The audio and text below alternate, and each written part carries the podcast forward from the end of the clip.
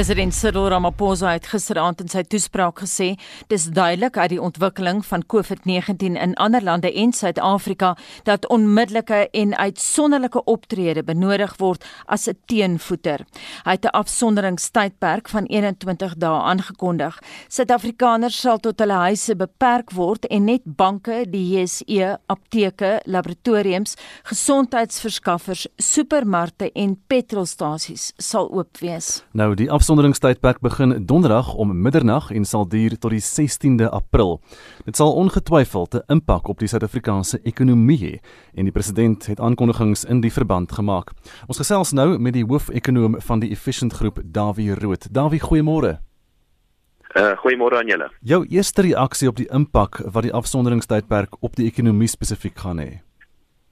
Ek het voor die uh, voor die aankondiging het ons 'n klompie sommetjies gemaak. Natuurlik alles is voorlopig en hier soveel bewegende dele wanneer mense hierdie tipe van berekenings probeer doen. Maar sonder enige twyfel gaan die impak op die Suid-Afrikaanse ekonomie reusagtig wees. Uh om 'n syfer daarop te sit, ek reken ons praat van die omgewing vir die jaar uh, ekonomiese inkrimping van die omgewing van voor die tyd het ek gereken minus 2%, miskien selfs minus 4%, selfs minus 5% en ek dink die grootste impak gaan waarskynlik in die tweede kwartaal wees. Die realiteit is is dat die president en dit is hoekom hy die president is, moet 'n keuse gemaak het tussen die ja, impak op die ekonomie en natuurlik mense se lewens. En hy moet op 'n manier 'n balansie probeer kry en natuurlik is dit altyd die belangrikste om 'n mens se lewens eerste om te sien, maar dit gaan sonder enige twyfel 'n baie baie groot en negatiewe impak op die Suid-Afrikaanse ekonomie hê. Daar word ook melding gemaak van die Reserwebank. Ja, daar's 'n klompie maatreëls wat in plek gestel is wat die president aangekondig het gister. Ons weet al voor die tyd dat van die banke het uh, het al sekere maatreëls in plek gestel om hulle kliënte te akkommodeer of te probeer help deur hierdie moeilike tye. En ek dink wat gebeur agter die skerms se mense is nie altyd bewus daarvan nie, is dat banke uh, is veronderstel om sekere likwiditeits- en kapitaalvereistes aan te voldoen. En, en natuurlik moet die banke voortdurend en deurlopend aan die Reserwebank rapporteer oor hoe hulle eie uh, finansiële uh, sake staan. Uh, die Reserwebank het ek is seker dat agter die skerms al reeds begin om banke uh, baie meer toegeeflik te wees teenoor banke in terme van hulle eie vereistes soos byvoorbeeld likwiditeitsvereistes en kapitaalvereistes en dit het natuurlik die banke in 'n posisie gestel uh, om natuurlik ook so ietwat meer toegeeflik teenoor hulle eie kliënte te wees. Uh, die, ons weet dat die Reserwebank het rentekoerse alreeds verlaag en ek dink sekerlik is daar ruimte vir die Reserwebank om rentekoerse selfs nog verder te verlaag. Maar die belangrikste is dat Suid-Afrikaanse banke word baie baie goed gereguleer en daar's baie genoeg likwiditeit uh, in die finansiële markte vir die banke om seker te maak dat hulle staan staan bly. So van van van al die sektore in die Suid-Afrikaanse ekonomie is ek die minste bekommerd oor ons finansiële sektor en veral die banke en as heelwat likwiditeit en in die proses maak dit moontlik vir die banke natuurlik om hulle mense om om hulle kliënte ook op 'n manier te akkommodeer. Jy praat nou so van die banke. Hy het iets genoem in die toespraak van dat daar bepalinge van die mededingingswet is wat opgehef ja. gaan word sodat die banke nie daarin onderwerp hoef te wees nie. Waaroor gaan dit?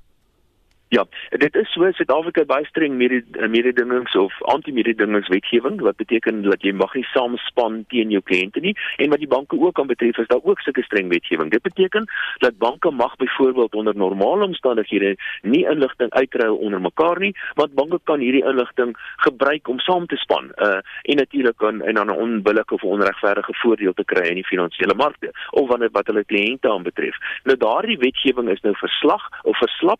Dit beteken beteken dat banke mag nou inligting uitruil. Ek dink dink dit maak sin want wanneer banke byvoorbeeld individue se finansies moet herstruktureer of hulle terugbetalingstermyne moet herstruktureer, dan wil banke graag weet hoe staan sake by ander banke ook om die beste moontlike geleentheid vir vir individue en hulle kliënte aan te bied. So basies kom dit daarop neer dat banke mag nou inligting onder mekaar uitruil en ek dink is ook 'n goeie besluit en 'n wyse besluit wat dit makliker gemaak vir banke uh, om uh, kliënte wat miskien 'n finansiële in die moeilikheid kom te kan akkommodeer op 'n of ander manier. Dis net 'n tydelike maatreël. Aanvanklik was die maatreël daar gestel gewees uh, om te keer dat banke saamspan. Uh, maar wat nou basies gebeur is dat hierdie wetgewing word versag uh, sodat banke eintlik op 'n manier nog steeds inligting kan uitruil, maar uh, in hierdie geval uh, ten einde natuurlik hulle kliënte op 'n of ander manier te akkommodeer. Daarby in samewerking met Suid-Afrikaanse Sake lei hierdie regering 'n solidariteitsfonds nou gestig waartoe enige iemand kan bydra as dit ja. reg aangewend word, sal dit suksesvol wees? Ek is bevrees uh, nie vrees baie nie Anita ons weet dat twee uh, uh, um, families het daar reeds 'n reuse bedrag geld daarin betaal ek dink dit is 'n besondere uh, uh, stap van hulle en die president het ook aangekondig dat die staat 150 miljoen in hierdie fonds gaan inbetaal. Hierdie fonds is natuurlik enigiemand kan daar inbetaal en die bedoeling is dat hierdie fonds aangewend word vir 'n verskeidenheid van goed soos byvoorbeeld om kleiner besighede en mense uh, te te probeer help. Maar die bedrag geld waarvan ons praat uh, op hierdie stadium is dit net so oor die 2 miljard rand wat daarin is. Uh, dit is natuurlik belangrik dat ons hierdie tipe van goed doen en ek dink ons moet almal saam staan en as jy ekstra geld het dink ek is dit 'n goeie idee om dit daarin te stort en laat dit aangewend gaan word, maar dit gaan nie werklik baie groot impak hê glo ek nie. Behalwe as baie groot bedrag hier ingestort word. Wat wat baie meer belangrik is op hierdie stadium is soos ons het gepraat het om die finansiële stelsel in gang te hou en die reservebank doen 'n uitstekende job en dan is natuurlik 'n hele klompie fiskale maatreëls wat die president ook aangekondig het wat 'n baie groter impak op die ekonomie gaan hê. Jy het nou verwys vinnig dan na die twee families, dis die Ruperts en die Oppenheimers wat 1 miljard rand elk uh, geskenk het basies vir hierdie fonds. Maar uh, dink jy ander besighede gaan gewillig wees om dieselfde te doen want hulle moet hulle self in hierdie proses nou beskerm ook natuurlik teen die teen die teen die virus en die impak daarvan?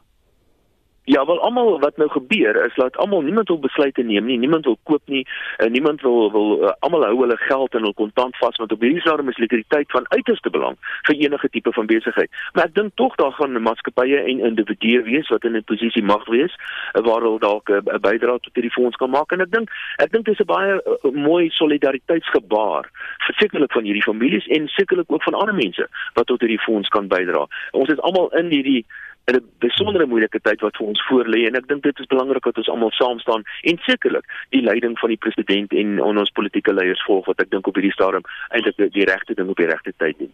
Sewe sê sien jy luister na monitor ons praat ver oggend met die hoofekonoom van die Efficient Groep Dawie Rood. Dawie, Standard Bank verskaf 'n betaalvakansie aan sakeondernemings en studente. Hoe gaan dit werk en ja. gaan dit help? Uh, ja, sekerlik. Dis die tipe van maatreëls wat ek sekerlik dink gaan gaan help. Nie net Standard Bank nie, hulle klomp van die ander banke ook het al reeds sekere maatreëls in plek gestel. Uh, dit beteken maar net en ek dink jy moet met jou bank in verbinding tree, moenie net ophou betaal nie. Uh, dit beteken maar net dat die banke gaan dit vir jou makliker maak om jou kontantvloei aan te pas vir die volgende klompie maande. Dit beteken nie jy jou skuld is ewe skielik weg nie en dit is afgeskryf nie. Dit is sekerlik nie die geval nie. Dis net 'n herstrukturering uh, van van sekere skuld wat die banke uh, natuurlik aan sekere individue en besig besighede gaan toestaan. En soos ek genoem het, dit die, banke, dit is moontlik vir die bank om dit te doen omdat onder andere hulle in finansiëel natuurlik self baie sterk is, maar ook omdat die reservebank sekere maatreëls wat van toepassing is op die banke uh, begin verslap het. So moenie dink jou geld, jy gaan nou nie meer die skuld hoef terug te betaal nie, jy moet nog steeds jou skuld terugbetaal, maar dit gaan net so iets wat makliker vir jou wees om nou die skuld terug te betaal. Dit kom eintlik basies daarop neer dat banke van die terugbetalings uh, periode of jou terugbetalings uh, ooreenkomste herstruktureer sodat jou kontantvloei oor die volgende klompie maande 'n bietjie beter gaan wees. En dit hang natuurlik ook van individu tot individu en besigheid tot besigheid af. Gepraat van daai kontantvloei, die regering gaan ook werknemers ondersteun wie se lewensbestaan deur COVID-19 beïnvloed word deur middel van wat hulle noem die tydelike werknemer verligtingskema wat dan sakeondernemings in staat gaan stel om werknemers ja. te betaal en nie af te dank nie net ook die werkloosheidsversekeringsfonds daar genoem. Hoe gaan die storie werk? Ja, daar's 'n heel wat maatreëls in plek gestel in terme van belasting, soos 'n heel wat maatreëls wat die president aangekondig het en van hierdie maatreëls is nog nie finaal nie. Ek dink ons wag nog vir die finale aankondiging wat die werkloosheidsversekeringsfonds aan betref, maar daar word onder andere genoem dat ons moontlik laat uh, werkgewers moontlik so 'n bietjie van 'n van 'n vakansie kan kry in terme van hulle oordrag betaling aan die werkloosheidsversekeringsfonds. Uh, en dit beteken jou kontantvloei gaan ook iets wat verbeter word. Die werkloosheidsversekeringsfonds kan ook gebruik word indien mense begin siek word, dan kan jy daar ook teen begin uh, begin eis en dan word onder andere die nywerheidsontwikkelingskoöperasie het ook aangekondig dat hulle sekere fondse beskikbaar gaan stel uh, om om om sekere besighede en dis meer uh, te help. En dan weet ek ook dat die die ontvanger het aangekondig dat daar sekere belastingverligtings gewees van individue. Ek dink as jy onder 'n sekere bedrag kry, dan hoef jy nie belasting te betaal vir 'n tyd lank nie. En dieselfde geld vir maatskappye. Heelwat maatskappye natuurlik as jy belasting op datum is en dis baie belangrik, maar heelwat maatskappye kan toegelaat word nou om van hulle sê net maar uh, voorlopige belastings terug te hou vir 'n paar maande ten einde hulle kontantvloei te verbeter. So 'n hele klomp fiskale maatreëls is aangekondig, maar ek dink mense moet net seker maak want van hierdie maatreëls is nog in bespreking en is nog nie gefinaliseer nie. So maak net seker presies uh, by die ontvanger of miskien deur die media hoe hierdie prosesse werk om jou kontantvloei uh, ten minste te ondersteun oor die volgende klompie baie moeilike maande.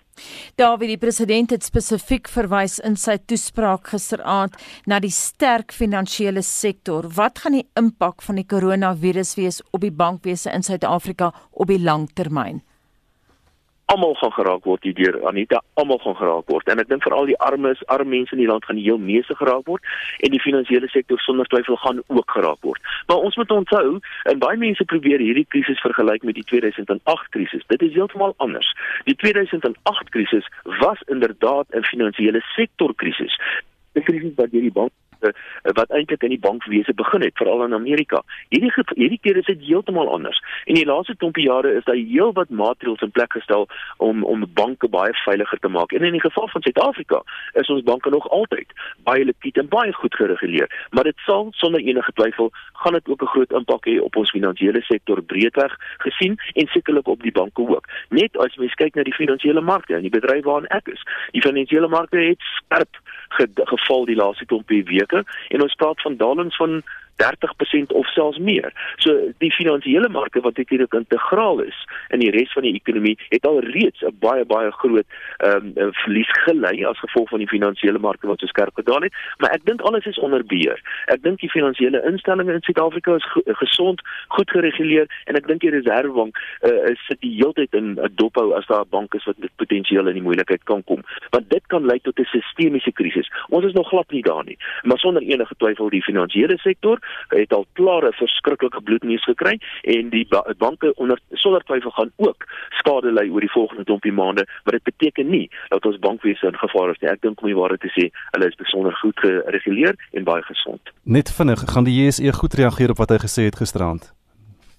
Ek dink jy by die stadium ek dink hierdie meeste van hierdie inligting is al reeds in die mark gewees. Ek dink nie die JSE gaan noodwendig daarop reageer nie. Ek dink meer belangrik vir die finansiële markte en die reaksie op die finansiële markte nou is waaroor ons nou gesels en dit is wat die potensiële ekonomie, die impak op die ekonomie oor tyd gaan wees. Die aankondigings van die president dink is was was daar was nie werklik waar groot verrassings nie. Ek dink hy het die regte ding gedoen op die regte tyd en die finansiële markte sal ernstig nou moet begin stabiliseer uh, soos wat ons al meer en meer inligting kry en dit begin verdiskonteer.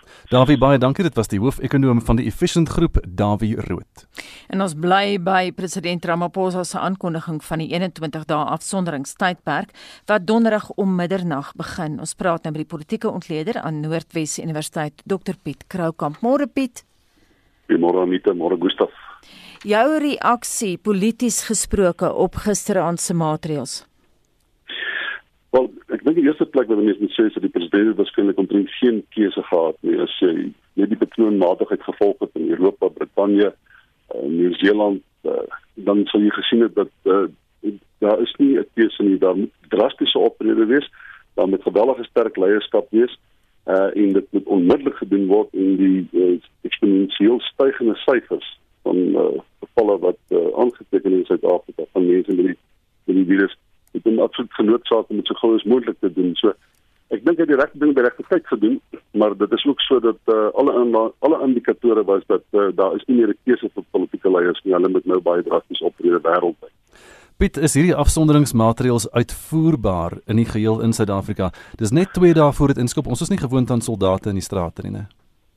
Ja, kyk dis 'n redelike algemene vraag, is dit uitvoerbaar? Ek dink die belangrike ding is jy moet kyk uh die die virus dit kom in 'n groot mate in Gauteng voor en dit is baie gekonsentreer in die metropool en sien maar in Kaapstad. Uh wel, minstens die mense wat sien maar positief getoets en so daai areas as jy dit beter reguleer, het jy waarskynlik 'n groter impak uh, op die op op die virus. Maar die feit bestaan is nee, jy kan die hele Suid-Afrika nie kontroleer nie. Dit is nie moontlik nie soos Abel Esther so voorgesê die weermag kan dit nie doen nie. Die polisie is effektief genoeg om dit te doen. So jy verlaat jou groot mate op uh, weet op op, op uh, uh, volunteer. Uh, jy het uh, um, deelname uh, sonder dwang uh, aan die proses. En uh, mense sou hoop dat die geweldige hoeveelheid media uh, die dekking wat nou reeds aan die probleem verskaf is, mense se gedrag in 'n mate gaan inhibeer dat hulle self konformeer tot die proses. Maar uh, nie die president in Suid-Afrika het nie vermoë om ons almal te dwing om dit te doen nie. Mense moet nou op 'n of ander manier self deel deelneem met die proses en ek hoop om die, die probleem aan te spreek. Jy het nou gesê Piet die president het nie eintlik 'n keuse gehad as om te doen wat hy gisteraand gedoen het en afgekondig het nie, maar as jy hom punte uit 10 sou moes gee vir die toespraak, die manier wat hy uh, hierdie punte aan ons almal verduidelik het, sou jy sê hy het opgetree soos 'n staatsman? Het hy daai sterk leierskap getoon wat jy gesê het absoluut noodsaaklik is nou? Daar is mense wat na Zuma gesê het ons het sterker leierskap van Ramaphosa verwag op allerlei vlakke. Wel, baie goed. Die, die ene is uh, kort daarna het Boris Johnson het hy 'n uh, aankondiging gemaak met dieselfde effek en uh, dit het uh, vergeleke met Ramaphosa byna am amateuragtig gelyk en hmm, kort. As jy Donald Trump die laaste paar maande dopgehou het, jy sien is hy duidelik geen uh, nie met 'n leierskap vermoë om met die probleem om te gaan nie. So uh, Ramaphosa was was werklik ek dink die laaste paar dae in die liga vir sy eie wanneer kom by leierskap by die probleem betref op 'n nasionale vlak. Maar ek dink die die die die, die ander probleem is is wat werklik is vir Ramaphosa is dat ehm um, jy moet dit balanseer met die ekonomie. Hy moet dit balanseer met die staat se kapasiteit. Hy moet dit balanseer met die polisieeringskapasiteit. En ek dink ons het die laaste paar dae dus weer gesien ten spyte van mense wat kla dat hy sy uh, aankondigings uh, op dit uh, laat doen. -hmm het sy sy vermoë om te konsulteer met 'n geweldige groot groep mense. Dit dit is eintlik sy politieke sterkpunt nog altyd gewees. En hierdie keer het, het ons dit weer gesien en hierdie keer was dit absoluut noodsaaklik. Dit is nie moontlik vir 'n president om arbitrêr hierdie ding aan te kondig nie. Jy kan dit nie aankondig sonder die simboliese effek wat net maar 'n Rupert en Oppenheimer gee deur 2 miljard rand te gee. Ek weet dit gaan waarskynlik nie 'n beduidende effek hê op die ekonomie nie, maar dit is geweldige belangrike simboliese deel van die van van van die aksie. Jy kan dit nie doen sonder om behoorlik te konsulteer met die polisie en die weermag nie. Jy kan dit nie doen sonder om behoorlik te konsulteer met jou eie bureaukrasie om die proses te maak staan met die gesondheidsdienste. En ek dink hierdie keer het ons gesien dat Ramaphosa weer eens daar geslaag om op die tipiese proses wat eie in sy leierskap is om baie breed te konsulteer, die regte persone, die regte idees, die regte eh, simboliese effekte te. En hy het gisteraand geweldig goed gelyk en kort daarna het ek Boris Johnson te toespraak beteken dit gelyk soos soos soos 'n hoofseun wat wat 'n matriek lewe wie sou wie sien maar die skoolhoof. Uh, Piet politieke partye het gesê dit is nou tyd vir saamwerk en dat alle politieke ideologieë eers een kant moet staan. Is dit moontlik of gaan politieke opportunisme sy kop uitsteek binnekort? Nee, jy sê nog sonder die EFF kry. Ek dink ek sien Dalium of is byvoorbeeld baie krities van die EFF, baie krities van wat die ANC doen. Maar die feit bestaan ek dink tog daar die Ramaphosa daarin ook geslaag en ek dink dit is weer dit deur sy leierskap, maar ook omdat ek dink politieke partye het omtrent geen keuse nie. Onthou die werklike teenbegier is die mense die feit dat die virus oor die mense posvat as daar nou politieke partye is wat aksies en voorstaan wat nie gerig is op wat die, die algemene belang is en die mense se belang is nie dink ek dit loop jy groot politieke risiko's. So hulle word almal maar swaar in in 'n drukkenaal ingevoer deur deur dit wat gebeur uh, met die virus. Maar ek dink tog uh, weer eens sit om op pause van die eerste dag af uit al die politieke partye bymekaar gekry en hulle die geleentheid gebied om hulle solidariteit te wys met die regering en met met die mense van Suid-Afrika, die mense wat wat beïnvloed word deur die virus. So ek dink weer is dit ook 'n Ramaphosa bestuur van die begin af. Hy was een met al al die politieke partye bymekaar gekry om in openbaar saam met hom te staan en sê ons het 'n gemeenskaplike probleem en daar's nie nou tyd vir vir onderlinge risie nie. Piet, die president het baie mooi verduidelik gisteraand met wie hy almal vergader het voor die toespraak. Gestel, die aantal COVID gevalle neem nie af nie en dit word erger na die 3 weke tydperk. Dink jy Ramaphosa sal 'n verdere afsonderingstydperk aankondig? Ja, dis gespekuleer, maar dit, dit, ek ek is bevrees dat as 'n redelike kans dit sal moet gebeur. Uh ons het uh, sê nou maar 402 uh, gevalle nou. Uh ons weet wêreldwyd is gesien dat die gevalle die afname as daar 'n dramatiese intervensie is begin gebeur eers na ongeveer 2 weke sien jy die effek daarvan. Dit gee die president min of meer 'n week speling dan begin jy afname sien wat beteken dat gaan nie dramatiese afname wees en volgens 2 weke gaan daar nog 'n bepaalde toename wees. Sien nou maar jy sê vir mense op veel wat in twee gevalle jy hoef nie meer werk te gaan nie. Ons sluit die skole ons uh, uh, draai die briekran op die ekonomie. Hoe sê jy vir mense is daar 602 gevalle is nie jy gaan weer terug werk toe jy gaan weer terug skool toe jy moet weer alles doen wat jy normaalweg sou gedoen het. Jy kan dit omtrent nie doen nie uh dit is ek ek so absoluut bekommerd is oor ek sien absoluut niks niks van van die uh uh, uh initiële die sufini en daar is geen moontlikheid dat jy teen 62 gevalle die kinders sê jy gaan nie meer skool toe nie en die waarskynlikheid dat ons oor 3 of 4 weke 1000 gevalle gaan hê en dan hulle sê jy gaan terug skool toe nie en daar word geen beplanning op daai vlak gemaak sover ek weet nie so ja, dit is dis dit is dit is 'n geweldige groot probleem. Die feit bestaan is ons gaan nie dramatiese verbetering uh, sien nie. Uh, daar gaan 'n bepaalde verbetering wees, maar nie dramaties nie. Miskien gaan ons die kurwe 'n bietjie afplat soos hulle sê, maar die feit bestaan is met 2 of 3 weke gaan ons vir mense moet sê julle moet teruggaan en doen wat julle normaalweg gedoen het. Al is die probleem nie opgelos nie en al is die probleem dalk net 'n bietjie erger, maar nie so erg as wat verdubbel kan wees nie.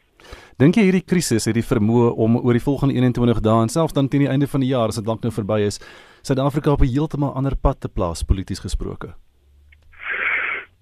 Nee, ek dink nie noodwendig vir die oppositiepartye se swak die ANC sal steeds daar wees. Uh, die feit bestaan is net onder ons gaan nie voor vroeg volgende jaar of miskien selfs uh, hierdie tyd volgende jaar eers 'n uh, uh, vaksin teenmiddel hê vir hierdie virus nie. Uh wat beteken is ons daarby is heeltemal reg dink ek ons gaan tussen 4 en 6% ekonomies gaan ons inkrimp. Ons gaan verder inkrimp daarna.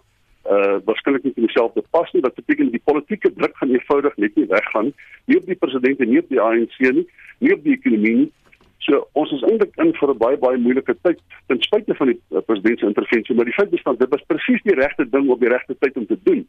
Of ons dieselfde uitkoms gaan hê as sien 'n masjiene of Taiwan of ander lande wat dieselfde intervensie pleeg, dit kan ek nou vir jou sê gaan waarskynlik nie so wees nie, omdat ons van 'n baie lae basis af begin. Ons ekonomies wat ons aan die, aan die afgaan nie uh, relatief bestendig of 'n lae vlakke van ekonomiese groei soos meeste ander lande in die wêreld nie. Piet, baie dankie. Dit was die politieke ontleder aan die Noordwes Universiteit, Dr Piet Kroukamp. Dis 23 minute voor 8:00 jy luister na Monitor op RSG en Marlene Forsie is terug met wêreldnuus. Die Wêreldgesondheidsorganisasie waarsku dat die koronaviruspandemie se verspreiding spoed optel. Minstens 300 000 gevalle is reeds wêreldwyd aangemeld. Die eerste 100 000 gevalle is binne 67 dae aangemeld. Die tweede 100 000 is na 11 dae bevestig en daarna het dit slegs 4 dae geneem om die 300 000 merk oor te steek. Marlene, wat is die jongste? In Brittanje is afsonderingsmaatreëls opgeskerp. Inwoners mag slegs hulle huise verlaat om een keer per dag te oefen, om werk en huis toe te gaan, om noodsaaklike items te koop en om mediese hulp te ontvang. Openbare samekomste van meer as 2 mense is verbied en klere en elektroniese winkels is van vandag af gesluit. En in Indië is die wêreld se besigste treinstelsel vir landsburgers gesluit van vandag af. Dit is deel van 'n poging om die verspreiding van die virus in Mumbai in te perk. Die treindiens word daagliks deur 8 miljoen mense gebruik en strek oor 459 km. Intussen het Myanmar sy eerste twee gevalle bekend gemaak. Die Brasiliaanse president Jair Bolsonaro word gekritiseer dat hy laks is in die um, stryd en sy reaksie op die pandemie. 'n Betoging hierteen het reeds plaasgevind in São Paulo en Rio de Janeiro. Intussen het bendes in Rio de Janeiro besluit om hulle stem dik te maak. Hulle het op sosiale media aangekondig dat hulle, die bendes, nou 'n aandklokreël instel omdat Bolsonaro dit nog nie gedoen het nie. Dan in Cuba is aangekondig dat alle buitelandse toeriste in kwarantyne geplaas sal word. Daar's minstens 32000 buitelanders in die land waarvan 9400 in landsburgershuise woon. Hulle sal na staatsbeheerde hotelle gestuur word om hulle kwarantyne tydperk uit te dien. Wat uh, wat Spanje betref, het die weermag afgekom op verlate bejaarde inwoners in ouetehuise. En volgens die owerheid is van die mense dood in hulle beddens aangetref. Dis nadat hulle deur versorgers agtergelaat is. Vervolgers sê 'n ondersoek is geloods na die voorval.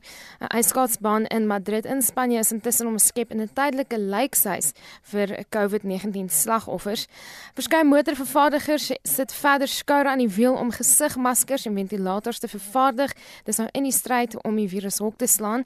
Maar dan op 'n ligter noot is daar diegene wat weier om oor te gee aan die paniek en gevoelens van bedruktheid. Verskeie huise in Brittanje het besluit om kersliggies op te sit om hulle eie en ander inwoners se afsondering 'n bietjie op te helder. Foto's hiervan word op verskeie media platforms um, versprei.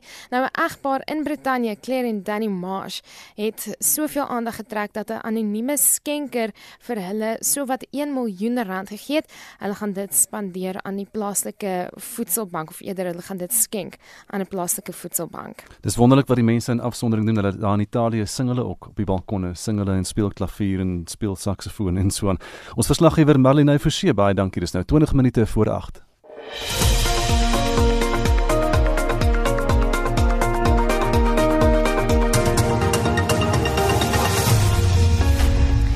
742 sit die COVID-19 virus uitbreking het die president skole laasweek Woensdag gesluit. Dis deel van die regering se pogings om die virus te beperk. En ons praat nou hieroor met die uitvoerende hoof van die Suid-Afrikaanse Onderwysers Unie, Chris Klopper. Goeiemôre Chris. Goeiemôre aan julle en goeiemôre aan die luisteraars. Chris, jou reaksie op die aankondiging van 'n afsonderingstydperk. Ek dink dit is 'n aspek wat ons maar almal moet invul. Ons het nie 'n keuse daarby nie en mense verstaan die erns as jy sien dit dat hierdie virus se infeksieverhouding kan tot soveel as 6voudig weet jy in 'n week ver vermeerder. So mense verstaan daai eksponensiële som en dat 'n mens moet erns neem met die pleidooi wat gemaak is en dat 'n mens daarin gehoor moet gee. Chris, ons het vroeër vanoggend 'n onderhoud gevoer met Dr Piet Kroukamp. Ek weet nie of jy daarna geluister het nie, maar hy het kritiek gelewer op Gauteng se minister van onderwys Panjasa Lesufi. Hy sê geen leierskap kom van daai kant af nie. Daar was geen twyfel oor dit nie. Daar's nie politieke munt uit te slaan nie. Dis hoekom daar nie nou enige reaksie van sy kant af kom nie. Um, hy's 'n opportunis en ons weet dit. Maar ehm um, die lank en die kort is, ek dink die ander onderwysministers het gehoor gegee almal speel speel hierdie spel met bedoordelike erns en ek dink dit is belangrik dat ons daarin moet aandag gee. Dink julle ook aan die feit dat ons moontlik langer as net 3 weke skole en ander instansies gesluit sal moet hou afhangend van wat gaan gebeur met corona? Kyk, ons kyk eintlik na 10 skooldae wat voorlopig verlore gaan. Ehm um, dit is nie die einde van die wêreld nie en ek dink dit is inhaalbaar as 'n mens daai woord kan gebruik. As jy kyk in die grondslagfase, dis nou vir die vir die kleintjies grade 1, 2 en 3. Kyk jy omtrent na so 46 ure wat verlore gaan in die 10 skooldae. En dan vir die ouer kinders in die grade 10, 11 en 12 die verdere onderwys en opleidingsfase, kyk jy na 55 ure. As jy nou nog nog 'n dag of twee byvoeg, dan sê jy dis in die kleintjies is dit 4 en 'n half ure wat jy moet verloor in in 'n skooldag en die groter kinders is dit so 5 en 'n half ure wat verloor gaan. En dit kan 'n mens inhaal. Dis dit behoort nie 'n onoorkomlike probleem te wees nie.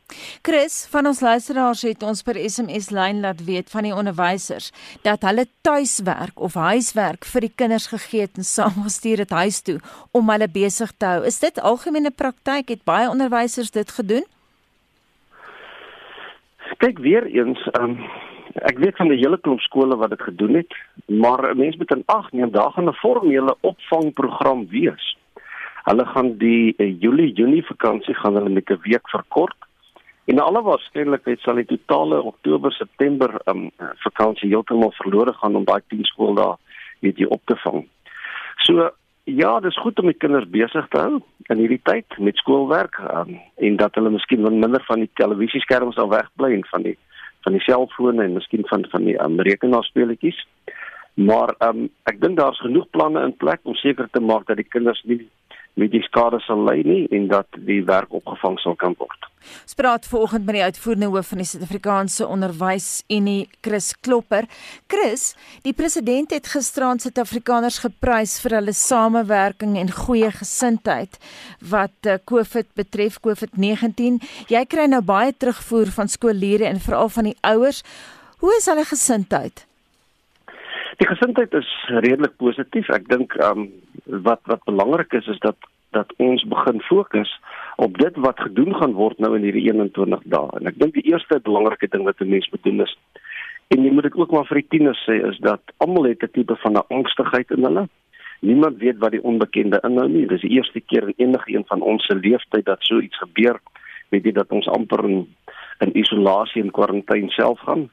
So dit is belangrik om kinders se angstigheid aan te spreek Ek dink dit is ook belangrik deel daarvan dat ehm um, ouers vir kinders sê, kom ons werk 'n noodplan net. Wat gaan gebeur as ma of pa of ma en pa siek raak of een van julle dat daar 'n noodplan is en almal weet wat die noodplan is hoe om dit te hanteer. En dan baie belangrik is, die kinders moet verseker wees en verseker word dat alles is onder beheer en dat indien die onvermybare gebeur, dan is daar 'n plan in plek en dit is 'n noodplan wat ons almal saam aangewerk het. Na my oordeel is dit 'n uiters belangrike saak wat aangespreek moet word en dan baie belangrik is om rotine vir die kinders te skep by die huis. Rotine in die sin van dat daar 'n sekere programme wat gevolg word, daar word met die troeteldiere gespeel, die troeteldiere word versorg, die huis word skoongemaak en uh, daar's verskillende speletjies en aspekte wat aangespreek kan word in hierdie tydperk. Maar daai rotine is belangrik en dan baie belangrik ook vir kinders is dat um, daar moet fisiese aktiwiteit wees om die klein liggaampie aan die gang te hou. Chris, kyk jy na wat ander lande wêreldwyd doen? Wat hulle skole doen? Ja, ons het al 'n bietjie gekyk. Um al die lande doen maar weet jy basies dieselfde. Hulle het um, hulle het skole gesluit. Hulle het formele opvangprogramme. En dan uiteraard is daar 'n hele klomp skole wat ook uh, elders in die wêreld en ook hier ter plaatse um weet jy afstandsonderrig uh, programme geïmplementeer het by wyse van die rekenaar, by wyse van skole se webwerwe en dan werklik is daar ook skole wat tot sover gegaan het as om bepaalde modellesse te beeldsend na kinders toe. Um, so ja, uh, uh, wêreldwyd is dit 'n universele aspek waarna ons kyk. Ons behoort ook aan Education International wat 32 miljoen onderwysers wêreldwyd verteenwoordig en baie van die lesse wat ons daar leer is ook hierso toepaslik. Chris, jy het nou verwys na afstandonderrig, maar ons leef in 'n land waar nie almal toegang het tot slimfone of die internet nie. Geen twyfel oor dit nie. Dit is hoekom daar die formele uh, opvangprogramme is waar spesifieke skoolvakansie daar op sy gesit word om seker te maak dat geen kind um, gaan enige skade ly hierdie jaar nie. Die grootste skade gaan maar eintlik wees dat kinders ongeholp gaan wees en ingeperk gaan wees. Maar ek dink dat veral in die informele nedersettings gaan dit 'n bepaalde uitdaging wees. En so sê die uitvoerende hoof van die Suid-Afrikaanse Onderwys en die Chris Klopper. Dis 12 minute voor 8 jy luister na Monitor en die oud RSG omroeper en ons oud kollega Christel van Tonner was midde in die COVID-19 eh, pandemie in China vasgevang. Sy het in Desember as omroeper bedank om in China te gaan skoolhou. Sy was egter net 3 weke daar voordat sy teruggekeer het Suid-Afrika toe. Esther de Klerk het met haar gesels. Van Tonder het op 15 Januarie in Harbin in die noordooste van China aangekom om 'n droom te verwesenlik. Sy wou skoolhou en sy wou meer reis. En skoolhou in China sou haar die geleentheid gee om albei te kon doen. Die stad Harbin is geleë langs Vladivostok en daar woon sowat 10 miljoen mense. Sy het daar aangekom sowat 6 weke nadat COVID-19 in Wuhan sowat 2300 km vanaf Harbin uitgebreek het. Maar sê van Tonder, toe sy hier in Suid-Afrika op die vliegtuig geklim het, was sy salig onbewus dat COVID-19 in China uitgebreek het en wat vir haar sou voorlê toe sy daar arriveer. Toe ons in Januarie gegaan het, was dit nog glad nie bekend gewees dat daar corona is nie. Ons het eers uitgevind toe ons in China aangekom het vanuit Suid-Afrika dat daar hierdie virus is. So ons was reeds daar toe dit eers bekend gemaak is. So ons was omtrent 3 dae daar gewees toe dit stadig maar seker bekend geword het dat die virus wel daar is en hoe vinnig dit versprei. So alhoewel ons nou weet dit het alreeds in laat November begin Desember gebeur, is het die regering dit so stil gehou dat dit eers middel Januarie regtig bekend geword het. Die aanbreek van die Chinese nuwejaar het dinge vir haar bemoeilik.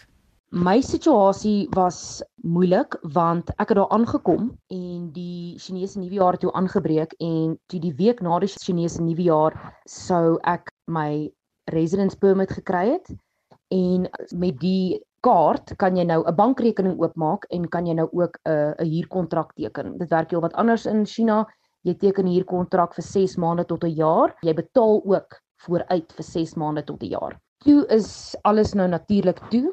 So sonder die die kaart, die residence permit kan jy nie 'n bankrekening kry nie, kan jy nie regtig betalings doen nie. Moet jy alles um kontant doen. Ons het nie 'n woonstel gehad nie. Ek het vir 2 weke in die in die hotel gewoon en toe moes ons inderhaas baie vinnig in 'n woonstel geplaas word. Sy sê sy was totaal ingeperk met niks van haar persoonlike goed wat uitgesorteer was nie en haar dag-tot-dag bestaan moeilik gemaak het. Sy was 3 weke daar voordat sy besluit het sy kom terug Suid-Afrika toe.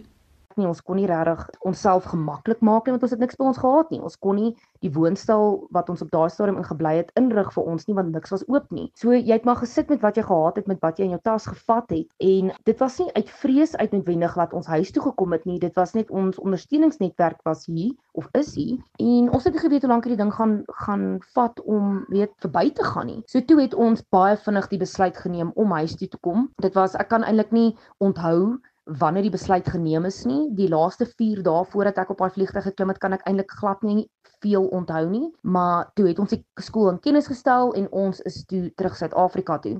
En sy was gelukkig, want min het sy geweet dit sou die laaste vlug uit die stad wees terug na haar tuisland. Ons het op die vliegtuig geklim. Dit was ook 'n baie die mekaar spoel geweest en toe ons uit Haben uitvlieg toe ons in Shenzhen land, toe kry ons 'n boodskap van die skoolhoof en van 'n kollega wat vra, het julle veilig aangekom en ons sê toe ja, ja, wat gaan aan? Toe sê hulle hulle het nou net die stad toe gemaak. So ons het een van die laaste vlugte uitgeneem, weet onwetend en gelukkig toe kon ons toe van daar af nou um, terugkom Suid-Afrika toe. Van Tonder sê sy die afgelope paar dae aan Suid-Afrikaners probeer verduidelik wat dit is om totaal in jou huis ingeperk te wees. Maar sy sê sy vind dit onmoontlik en dink 'n persoon sal dit net kan verstaan as jy dit self beleef. Ek kon dit nie verstaan nie letterlik want al die nuuskanale op daai stadium was in Chinese gewees. So ons het nie eintlik veel geweet wat aangaan nie. Ons het nie geweet wat van ons as inwoners op daai stadium van China verwag word nie. Gelukkig het ons toe op 'n ongeluk op 'n Engelse nuuskanaal afgekom wat toe vreeslik van hulp was want toe kon ons die dag tot dag dophou om te hoor wat gebeur, hoe, hoe lyk die getalle en net bietjie meer wys word oor oor die corona en um, hoe ernstig dit is. 'n Total lockdown beteken alles is toe. Nou dit sê eintlik nie veel nie, maar dit sê eintlik alles. Alles is toe alles maar alles die banke, die immigrasiekantore, elke liewe winkel wat jy aan kan dink, 'n hele inkopiesentrum se deure is gesluit. So as jy dink aan 'n inkopiesentrum in jou area, my area is Cresta, die deure is gesluit, jy kan nie ingaan nie. 24 ure dag. Dis soos om deur 'n uh, gedeelte van jou buurt te ry 7 uur op 'n Sondag aand. Niks is oop nie, maar dit lyk die hele tyd so. Dit is moeilik om om die omvang daarvan te besef tot dit nie gebeur nie. Is Suid-Afrikaners gereed daarvoor? Ek dink sodra dit gebeur, gaan hulle dit besef, maar ek dink nie enigiemand kan besef wat dit is totdat dit nie gebeur nie. Sy sê sy haal haar hoed af vir die Suid-Afrikaanse regering wat blyk dat hulle regerings van ander eerste wêreldlande dopgehou het en hoe hulle die COVID-19 situasie hanteer het om die verspreiding van die virus te bekamp. Sy moedig Suid-Afrikaners aan om na die regering te luister en maatreëls wat in plek gestel word te gehoorsaam. So wat ook al ons president aankondig, wat ook al ons, ons regering doen, doen jou deel en luister, want hulle het geleer uit ander mense, uit ander lande se foute uit.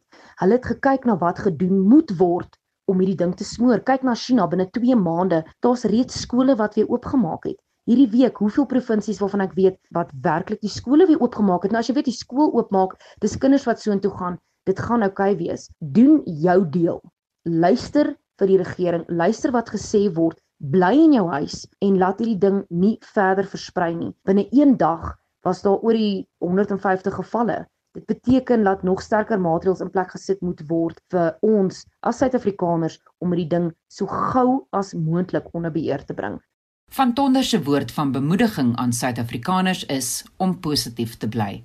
'n woord van bemoediging vir Suid-Afrikaners in hierdie tyd. As jy daaraan dink dat alles gaan toemaak, dit is angswekkend, maar ons is 'n nasie wat al so baie oorkom het en ek dink elke persoon in sy in sy persoonlike lewe het al baie baie moeilike dinge ervaar en ons gaan hier deurkom 'n 'n national lockdown, 'n total lockdown. Ons gaan ons gaan dit oorleef. Dit is moeilik, dit is nie aangenaam nie, maar kyk daarna dat jy nog buite op jou balkon kan gaan staan, dat jy baie mense is bevoorreg genoeg om 'n tuin te hê om um, ons het 'n uh, taamlike warm klimaat daar waar ek was dit was minus 20 jy kon nie uitgaan nie. Daai kinders bly in woonstelle. Dalk bly jy in Suid-Afrika in 'n woonstel maar jy kan nog steeds afloop en en jy weet net bietjie die son op jou op jou lyf voel. Ek dink dit is belangrik om positief te bly en nie hysteries te raak nie. Hier is 'n baie ernstige situasie. Afhangend van wanneer landsgrense weer oopgestel word is van Tonner se hoop om binnekort terug te keer China toe om weer daar te begin werk